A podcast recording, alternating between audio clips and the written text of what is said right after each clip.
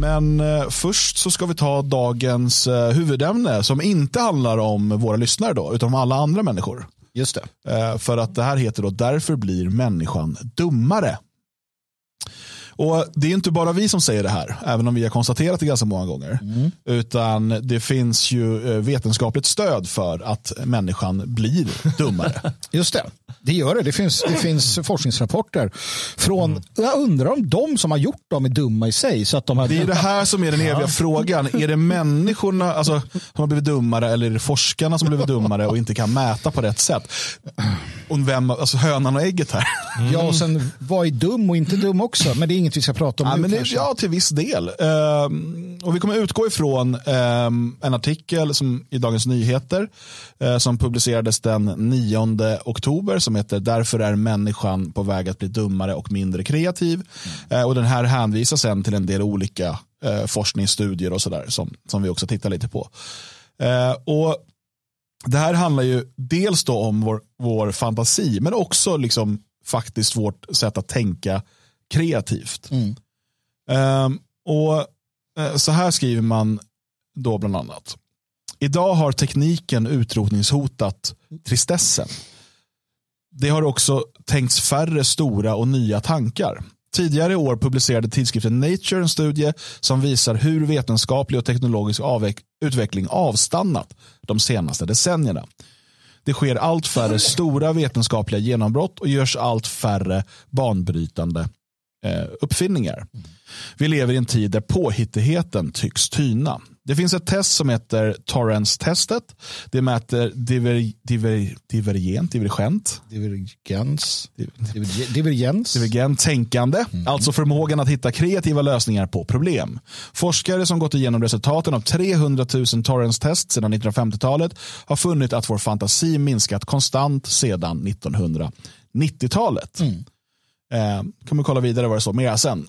Men om vi bara börjar där. Man, man pratar då om att eh, tristessen har varit nödvändig för att människor ska tänka större tankar, ja. för att fantasin ska få flöda.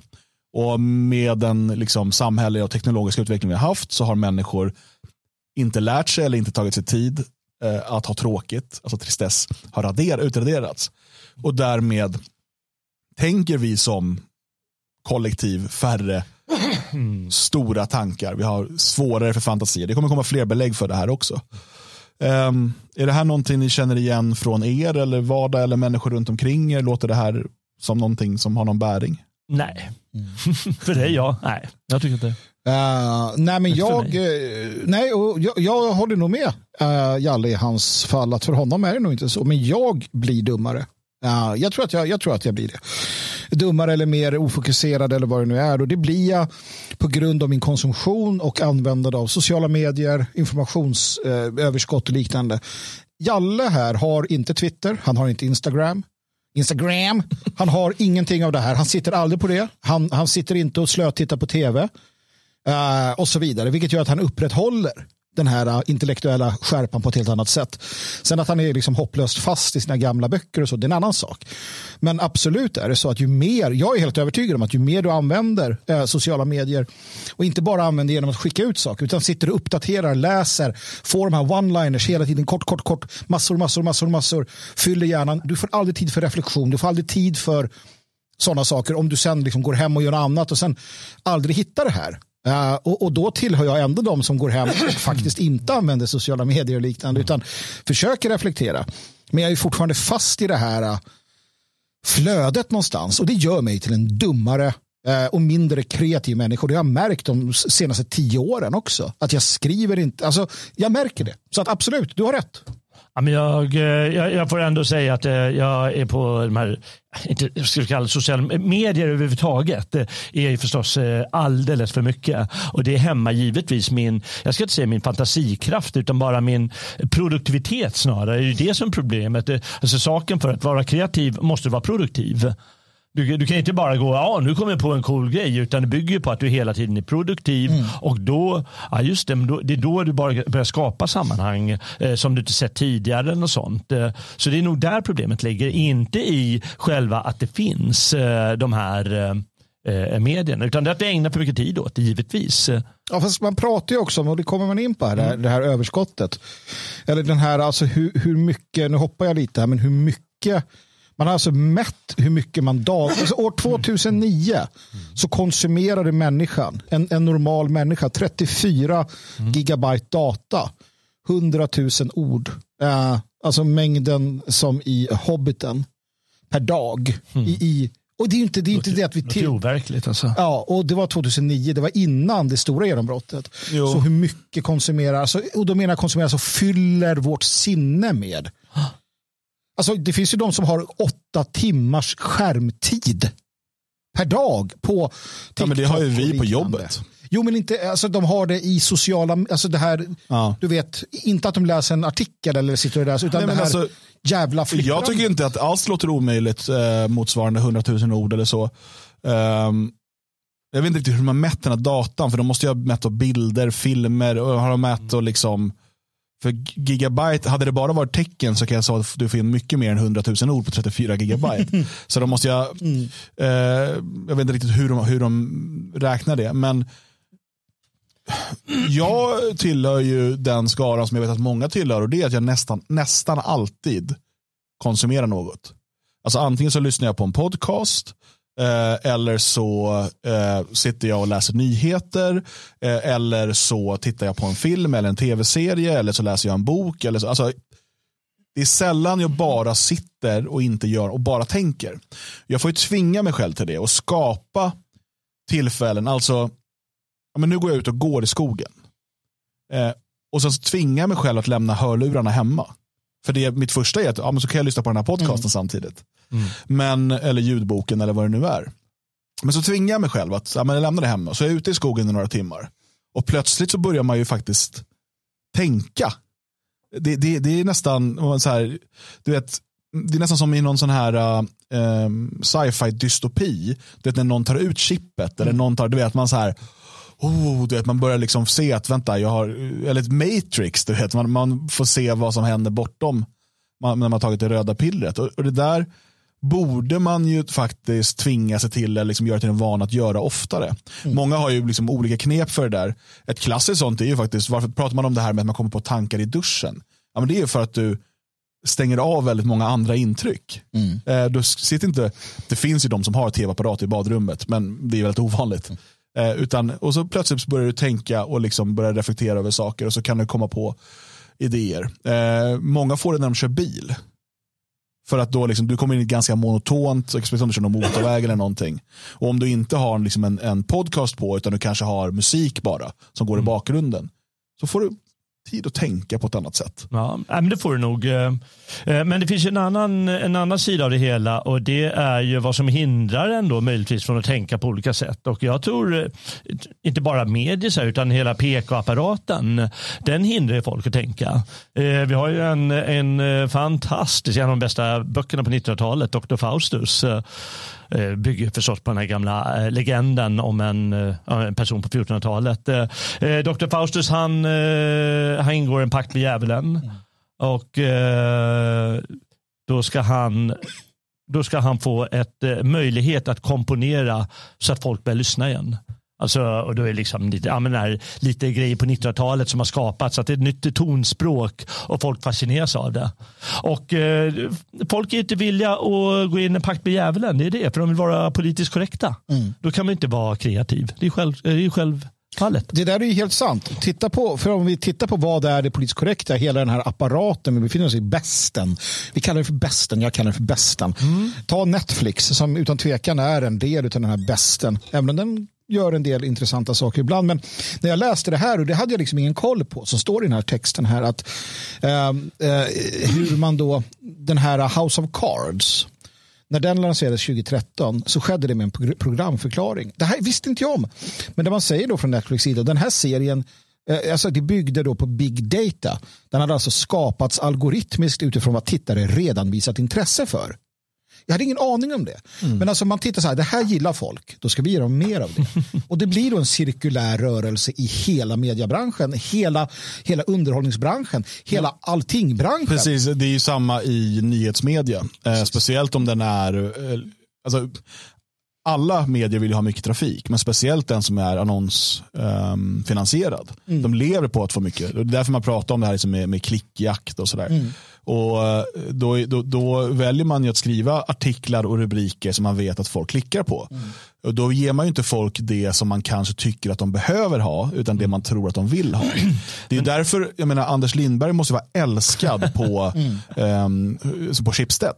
För att han är ju han är, han är så oerhört duktig på att skriva provocerande ledartexter som man vet kommer bli mycket snack om i sociala medier. Mm. Vilket betyder många klick, vilket betyder annonsintäkter. Ja. Eh, hade han liksom skrivit eh, ganska så här, eh, vad ska man säga, resonerande och avvägda ledartexter där ingen, ingen hade läst det. Mm. Men eh, det där har ju alltid funnits. Det där är ju inget nytt. Det har alltid varit så att eh, många har ägnat sig åt eh, det folk köper. Vad fan ska de annars göra? Mm. Nej, men det är klart. Ägna sig åt det folk inte köper. Nej, Nej men det, det är klart Nej, men det, det, bara, det går ju bara, när vi pratar konst tidigare, om du har en mecenat. Ja då kan du ägna dig åt det som liksom är din passion. Absolut. Men, men inte om du har ett eh, liksom, aktiebolag som behöver Problemet är genomslaget. Genomslaget i den moderna världen. Med ja. Netflix, med on demand-trycket. Jag menar på 1500-talet så var det liksom inte att hela bondebefolkningen... Jo, men nu ska du höra här. Ja. För... Även, äh, um, har du sett äh, tavlan Nattvakten? Säkert. En tavla av Rembrandt ja. där eh, så här, eh, några jägare paraderar ungefär genom stan. Mm. Ehm, det, det var jättevanligt eh, motiv då, men hans eh, köpbeställare, de sa vad är det här för jävla skit, den vill vi inte ha. Mm. Utan de ville ha det som alla andra, några gubbar som står så här med varandra. Mm. Oh, här står vi, oh, det är jaktlaget, tjena tjena. istället har han gjort liksom något annat, en egen mer fantastisk skapelse ja, ja, ja. Mm. som har dynamik och har liksom massa grejer i bakgrunden. Mm. Så vad gör de där? Och massa olika grejer. Och eh, då har jag använt sitt, eh, sitt geni i det här fallet för att göra något speciellt. Och det var ju inte det folk ville ha. Nej men det är ju återigen, alltså saken efterhand vill de ha det. Mm. Saken är, det jag menar är ju återigen det är genomslaget faktiskt. Det, det är hur det direkt påverkar. Vi har haft nyhetsmedier i, i liksom, den här första svenska dagstidningen, så här, nyhetstidningen kom ju ut för jättelänge sedan. Mm. Men det är fortfarande så att Aftonbladet idag, vi kan inte ens jämföra det med den tidningen. Vi kan inte ens jämföra Aftonbladet med idag med Aftonbladet för 20 år sedan. 30 år sedan. Vi kan inte jämföra nyhetsmedia före och efter internet. Det går liksom inte. Nej, nu, um, nu anses ju nästan allting tråkigt ja. eh, som gjordes förr. Precis. Eller som, eh, som min syra vid ett tillfälle, när, jag har säkert berättat, satt och tittade på tv hemma hos henne medan hon skulle göra en tårta, jag tror hon fyllde år. Och så frågade hon, vad fan håller du på med? Uh, vadå håller jag på med? Men vad sitter du och gör? Mm.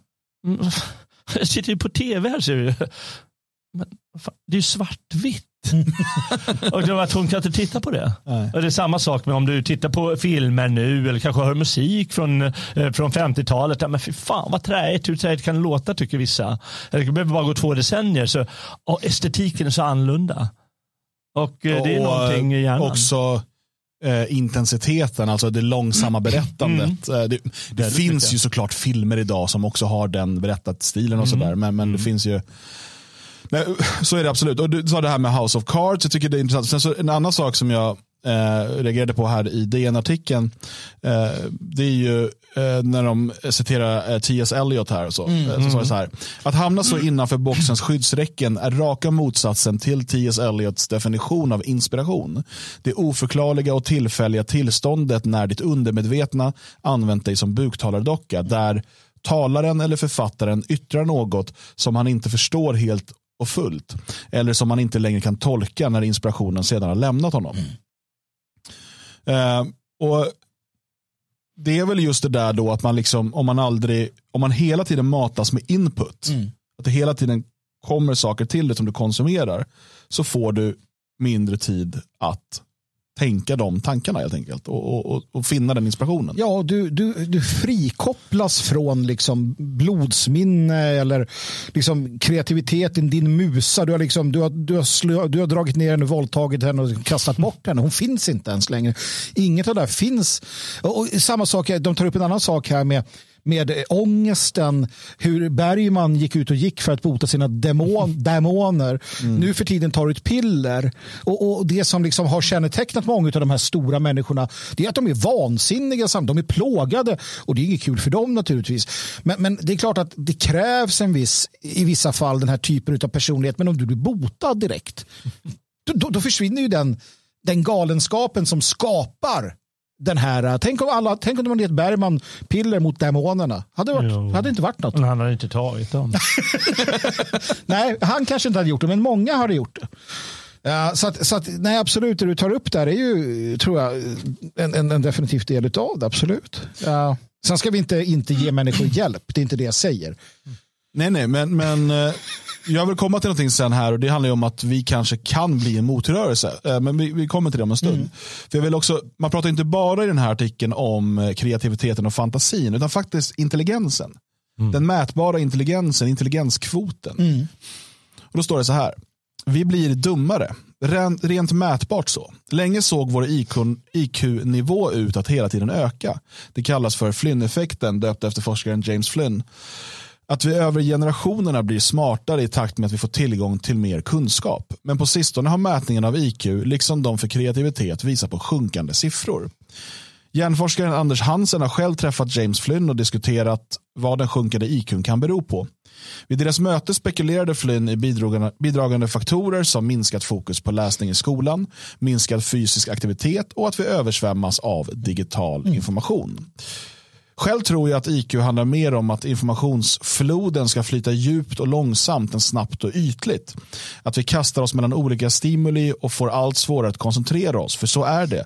Gör oss knappast smartare, definitivt inte klokare, säger Hansen. Ja, men så är det väl säkert. Men det är väl ändå mest, det drabbas ju mest, eh, vad ska vi kalla det för, dussinmänniskan. Alltså vanligt, vanligt folk. Liksom. Medan de som ändå skapar eh, låt oss säga konstverk eller idéer eller eh, eh uppfinningar eller vad som helst. De är inte drabbade av det där. Fast Därför att de drabbas fast, mer av om... sina demoner till exempel eller sin uppfinningsrikedom ja. eller vad de har. Men om vi ska... då, skiter de, då skiter de i det andra. Men om vi ska tro på forskningen då så, så, så, så, är det ju så att vi inte upp, att ja, vi går här och stampar. Vi har inget botemedel mot cancer. vi har inte precis, det. för det är det som hela den här artikeln börjar med. alltså, Tidigare i år publicerade tidskriften Nature en studie som visar hur vetenskaplig och teknologisk utveckling avstannat de senaste decennierna. Det sker allt färre stora vetenskapliga genombrott och görs allt färre banbrytande uppfinningar. Mm. Och Så att om det här är en direkt eh, liksom, eh, konsekvens av att vi då har det här informationsöverflödet och inte tänker mm. med tankarna. Eller om det är någonting annat. Det, det vet jag inte. Men eh, det är ju enligt de här studierna åtminstone så att vi inte har de, gör de här storslagna mm, framstegen nej, nej. längre. Nej. Storslagna konstverken mm. i samma utsträckning som vi har gjort mm. tidigare. Ja, det. Eh, och det är ju för mig ett tecken på en stagnerande och alltså en döende civilisation.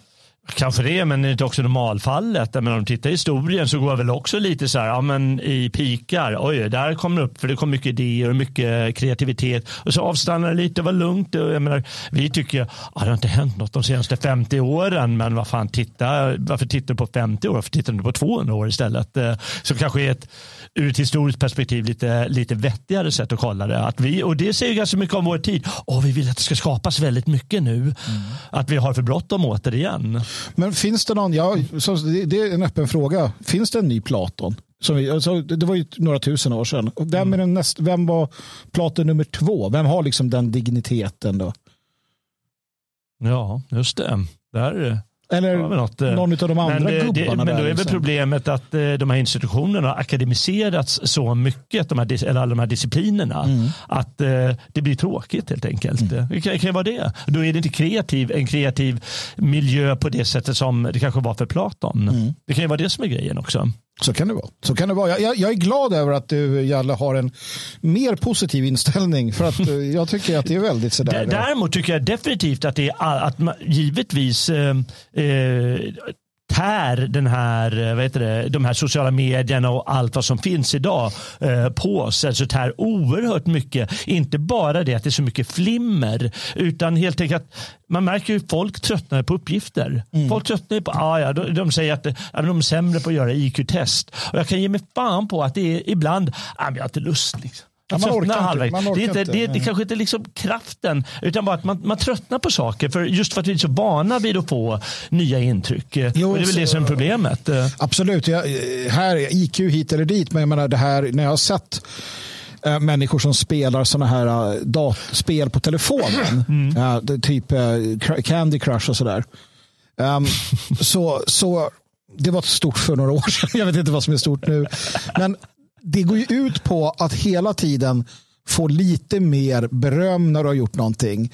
Så att du får med exakt jämna mellanrum så får du liksom berömmet. Du får, det, det är som ja, Pavlovs hundar för fan. Ja, det vet. Ja. Uh, och det får du ju inte på samma sätt om du läser kanske en, en tjockare liksom Faust, någon jävla roman. Mm, eller, mm, det tar mm. lång tid innan du får den där. Uh, ah. Eller det kan vara något annat som från vår liksom, ungdom. Uh, att bygga en koja, det tog sin lilla tid och, och utomhus då. Du, blev inte, du fick inte den det här äh, stimulin att du var klar förrän långt efter. Nu förväntar vi oss att få den nästan omedelbart. Äh, för att algoritmerna bygger på det. Samma sak med de här serierna som vi ser. Du vet, introt på en serie, det är så det där. Mm. Kommer du ihåg äh, Rederiet? Mm.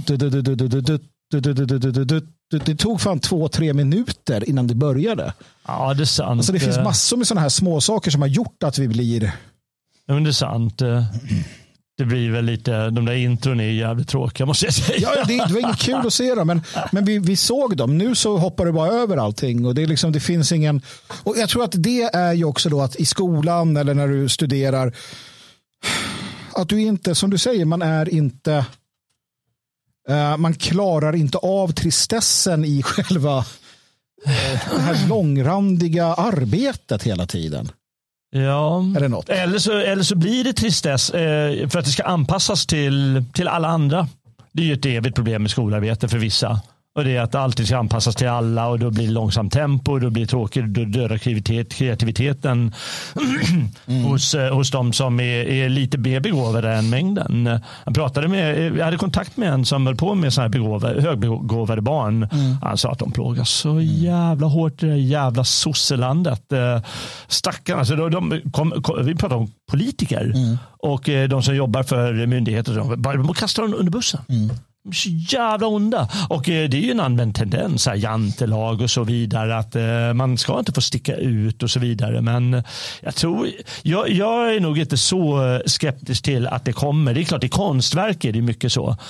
Um, får man väl säga att det, det har väl stagnerat mycket. Men det, det kanske beror på lite andra saker. Mm. Jag tror nog att det, eh, det är ganska vanligt att det, det kommer sådana här vad var det han kallas för, den här gamla som var inne på 80-talet och 90-talet. Eh, att eh, just det, paradigmskiften. Mm, just det, mm, att saker det. går i paradigmskiften. Mm. Och ja, men det är ett rådande paradigm och det är inte så jävla upphetsande allt som händer där. Nej. Och sen blir det paradigmskifte och det är just det skiftet det är då, då saker händer. Och de, eh, de växer inte på träd, paradigmskiften. Ja.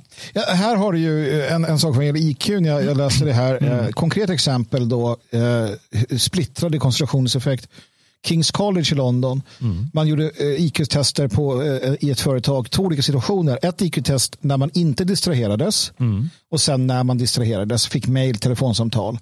Och slutsatsen var att eh, teknologiska distraktioner, att få mejl och samtal, det gjorde så att de här försökspersonernas IQ sjönk med 10 poäng i genomsnitt. det. Ja. det är alltså mer än om du vaneröker cannabis. Ja. Så att du blir ju alltså en dopehead av att ha modern teknologi. Ja, äh, mer än att röka cannabis. Ja. Och Problemet är ju inte bara om man blir eh, avbruten, mm. utan man avbryter sig själv. Precis. Vi är vana vid att bli avbrutna ja. och då kommer vi att bli det ändå. Så, så, så det har säkert en väldigt stor påverkan. Ja, det är självklart det är ett helvete med alla telefoner och alla skärmar och, och alltihop. Ja, det första jag gör är att försöka hitta alla aviseringar och stänga av dem i princip alla, överallt, alltid. Det är några få som man liksom har kvar, som man jobbar nära eller familj. Men i övrigt så jag vill inte ha, innan, vet varje gång jag har en ny telefon, då blir jag ju knäpp. innan jag har hunnit så här. Varenda app skickar så här, nu har det något hänt så här. Kommer ni bara ihåg det här Aftonbladet? Har du haft push eh, på mm. Aftonbladet? Du vet, det började med så här terrordåd, ah, ja. det var mm. push. Mm. Sen var det så här att någon har tappat trosorna i ett program, pushar dem ut det. Man bara... ja, men nu får jag upp typ eh, Samirs nya diettips. Det kommer som pushnotis. det kommer, det kommer fem notiser om dagen. Så jävla onda. För det är, ja, precis, pushnotiser användes ju för så här breaking news ja. som man liksom, det här måste du ha koll på. Mm. Eh, men det, det, är klart, det, det är också, tänker innan detta, eh, tänker, ni kommer ihåg, vi kommer precis. ihåg. Eh, där liksom, när fick du ta del av nyheterna? Ja, möjligtvis på kvällen eh, om nyheterna sänds på tv, annars var det dagen efter när tidningen kom. Mm. Mm. Det, Vad, får du veta vad som hände ja. igår? Alltså folk kan ja. inte, jag tror inte, var man inte där så kan man inte fatta just det. Eftersom du säger att, hade alltså, hur kunde ni leva utan att veta exakt vad som hände hela tiden? ja, det. Och det mesta fick du inte veta. Ja. Det Nej. mesta av vad som hände Nej. i USAs Nej, representanthus. Du har ingen aning om det. Nej. Idag. Ja, de var också tvungna att hålla sig till ett visst antal sidor. Nej, men så är det. Så att, eh, nej. Eh, och jag tänkte en annan sak här bara i uh, artikeln i DN. Då. Det, man skriver så här, hur ser då återväxten för fantasin ut? Tyvärr inte särskilt ljus. Har ni läst den? Nej. Nej. Jag var borta en liten stund. Mm. Tyvärr inte särskilt ljus verkar det. Larmrapporter hörs om att barnen, som ofta beröms för sitt abstrakta tänkande, har blivit dåliga drömmare. Den fritt associerande leken, eller rolllekar där man låtsas vara någon annan och försvinner in i berättelsen, har trängts bort av annat. Barnen har glömt bort hur man leker med sin fantasi, står det i YLE. Problemet är att barn inte leker längre, står det i Dagens Industri. Skärmar skapar beroende och dödar barnens egen fantasi, läser jag i Göteborgs-Posten. I en Expressen-artikel från, från i våras berättar barnboksförfattaren Johanna Lindbäck att dagens tonårsläsare har svårt att greppa berättelser. De förstår inte att den kan skifta perspektiv, hoppa i tiden eller vad, att vad de läser är påhittat och inte har hänt på riktigt. Mm. Ja, det, där, men, ja. Det, det, ja, men där är ju ett stort problem, eh, eh deras eh, barnprogram och barnfilmer. För det är ju ett evigt jävla blippande i dem. Ni vet, där snabb, snabb, hela tiden snabba rörelser som ska vara kraft, visa kraftiga reaktioner. Ska vara lustigt eller på något sätt bara så att de hela tiden blir alerta. Det känns så i alla fall när man tittar på det. Det finns säkert en annan anledning till den estetiken men jag tycker det är oerhört störande. För de får ju aldrig chansen att eh, eh, bara låta berättelsen snarare trycka fram det utan det är effekterna som ska göra det. Och all konst, all konst hatar detta över allt annat. Att, eh, att det är effekterna, de här snabba effekterna ska vara huvud, huvuddelen. Mm. Men det blir många gånger i, i, den sortens film. Jag tror också att det finns en sanning i det här. Jag vet, jag vet ju inte. Men, men så här, jag vet själv när man var liten, vi var ute och lekte. Uh, jag vet, vi lekte Miami Vice bland annat. Mm. Där var jag, jag, var, jag var Tubbs, den svarta killen. Jävlar vilken fantasi du hade på ja, den tiden. Nej, men det, det, sen lekte vi, liksom, man lekte massa Man såg något, man var ute, man lekte Rambo, ja. man var, gjorde det och det, klädde ut sig liksom, och Fan, klättrade i träd. Det var att leka Rambo. Ja, det var Jävla fan kul. kul det var. Ja, och så vidare. um, det här att vara någon annan, sätta sig in i det och så vidare. Jag vet inte om man gör det på samma sätt idag. Om, man är ute, om de är ute och springer. Alltså, jag vill inte heller vara den här gamla stöten som de sitter bara vid... vid men fuck, det talar ju sitt tydliga språk att skärmanvändandet bland unga är ju enormt om de tillåts. Och jag menar, man kan ju bara göra det testet själv. Om du inte säger åt dem sluta, då slutar de aldrig. Nej, som det är som hundar som äter. Som äter ja. ja, snabbare. Så är det. Och, och dessutom eh, om man låter dem eh, sitta med de här skärmarna och så och sen så tar man bort det från dem. Då är, de, då är de som vilsna hundar. Då är så här, vad, ska, vad, men vad ska jag göra nu? Först heroinister. Ja, ja, ja precis. Här. Och sen så här, ja men du får väl leka något i ditt rum. Vad ska jag leka då? Ja, men du har ju 300 leksaker här inne nu. Ja. Någonting kan du ju leka med. Kan du leka med mig? ja. ja. men alltså, helt ärligt, jag, jag satt, eh, jag, jag kunde sitta i timmar, nu kan mina barn det också, som tur är. Men det verkar vara väldigt, väldigt svårt för många att liksom bara sitta och vara själva och leka. Eller bara sitta och ta tråkigt. Håkan vet ju mycket om mig också. Jag lekte buss, stannade på hållplatser. Stämmer, jag, jag var ute och cyklade. Stannade vid parkbänkar. Mm. Körde långa, i Kallhäll, långa vändor enligt tidtabell. Ja. Stämpla biljetter, allt i fantasin. Absolut. Jag var ju drog, droghandlare. Du var droghandlare som, mm. som ung. Alltså i leken. Ja. Mm. ja. Jag, att, Jag, tänker på, jag ser, ser framför mig så Stefan Edberg berättade en gång, han bodde i Västervik. Legendarisk tennisspelare, ja. ungdomar kollar mm. upp honom. Mm. Världens tråkigaste stad måste det varit för han berättade hur han och hans polare de stod och räknade bilmärkena. Ja. Ja, jag skulle se hur, hur många var en Volvo och hur många var en Saab. Fan vad tråkigt. Nej, sånt där var kul. Det är så jävla kul. Alltså, det är så jävla tråkigt med Saab. Det kommer ju bara en på tio. Nej, fy fan, gud. Nej, men jag tror vikten av att eh, liksom den där fantasin måste få flöda, den, den, ska man inte underskatta. Men det här bara att liksom, det vi gjorde nästan varje dag, om det var liksom okej okay väder för åtminstone, det var att vi, vi hade en lite bergparti med lite skog och sådär där vi bodde.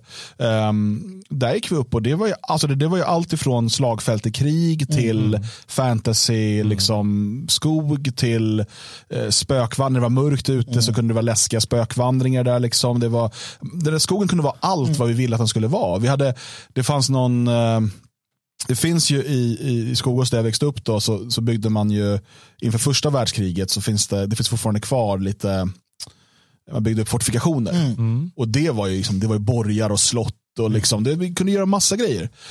Det finns säkert barn som leker så fortfarande. Men man, jag tror att om man inte får vara ute och hitta på de där sakerna och liksom en pinne blir ett svärd eller, eller liksom den där brunnen mm. blir något sagoväsen. Det, så det är farligt. Mm. Nej, men jag, visade, jag visade min son, jag blev helt begeistrad. Jag la till och med ut den på Twitter. Uh, jag hittade en pinne Alltså en, ett, den vackraste vapenpinne jag någonsin har haft tror jag. Mm. En pinne som, det var perfekt som liksom ett gevär. Perfekt. Mm. Mm. Och jag bara tog upp den och visade honom, kolla, kolla här. Och han bara, vadå? Nu ska vi säga att din son är 23 så det är lite ja, jo, konstigt. Han, han tyckte pappa du är sjuk, din jävel. Nej, han fattade liksom inte. Jag bara, men kolla det är liksom. Ja. Han bara, aha. Jag tog den, jag la den i bilen, tog hem den, står hemma hos mig. Jag tog kort på den och la upp den. Men så, vad säger han nu för tiden då? Nej, men han, här, han Har du eldat upp den där pinnen den, pappa? Nej, men, den, men det är som när Jonasson skriver om det här om att kasta stenar och mm. så du vet, i, i sjön eller liksom så här, mm. som, som pojkar gör. Ja, så. Um, och, och gör man, så får man ut dem. Man kan ju testa med sina så här störda ungar som tittar på de här jävla skärmarna. Ta med dem ut i skogen och börja kasta sten på något efter ett tag. som i den här grown-ups.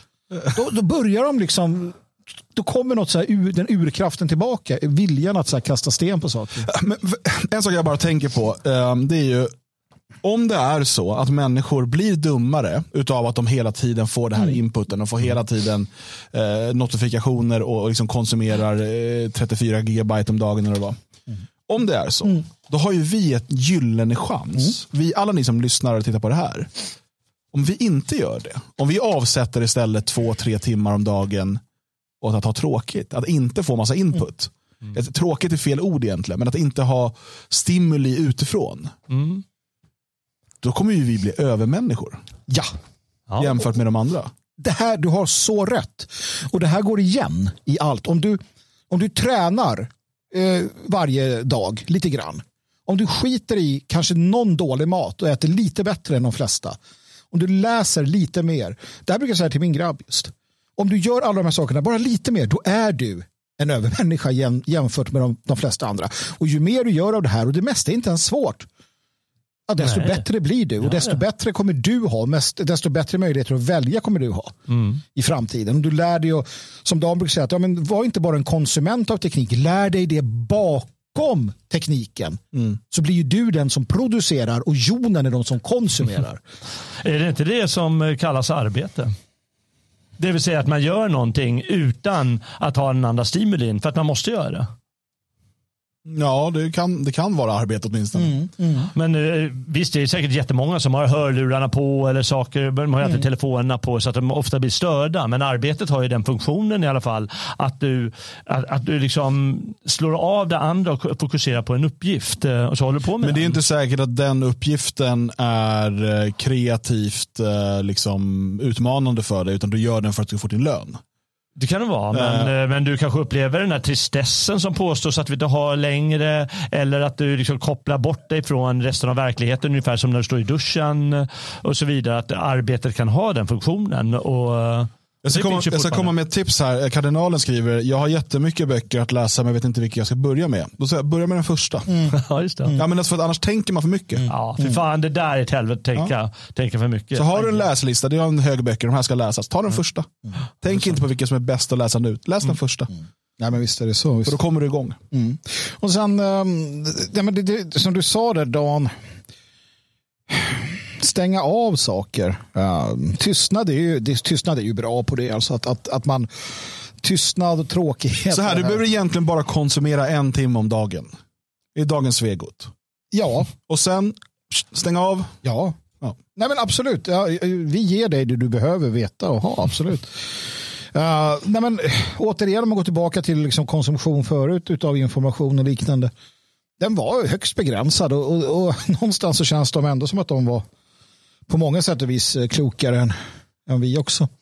Men uh, Ja, äh, får vi tänka på att förr i tiden, säger vi, mm. tänka, russinen är utplockade. Va? Ja, vi ja, ser visst. bara russinen. Ja. Vi ser inte resten av kakan. Men nu ser vi bara en jävla blandning av alltihop. Ja. Det finns inga russin än. Så det, det är lite taskigt att jämföra med vad man såg förr.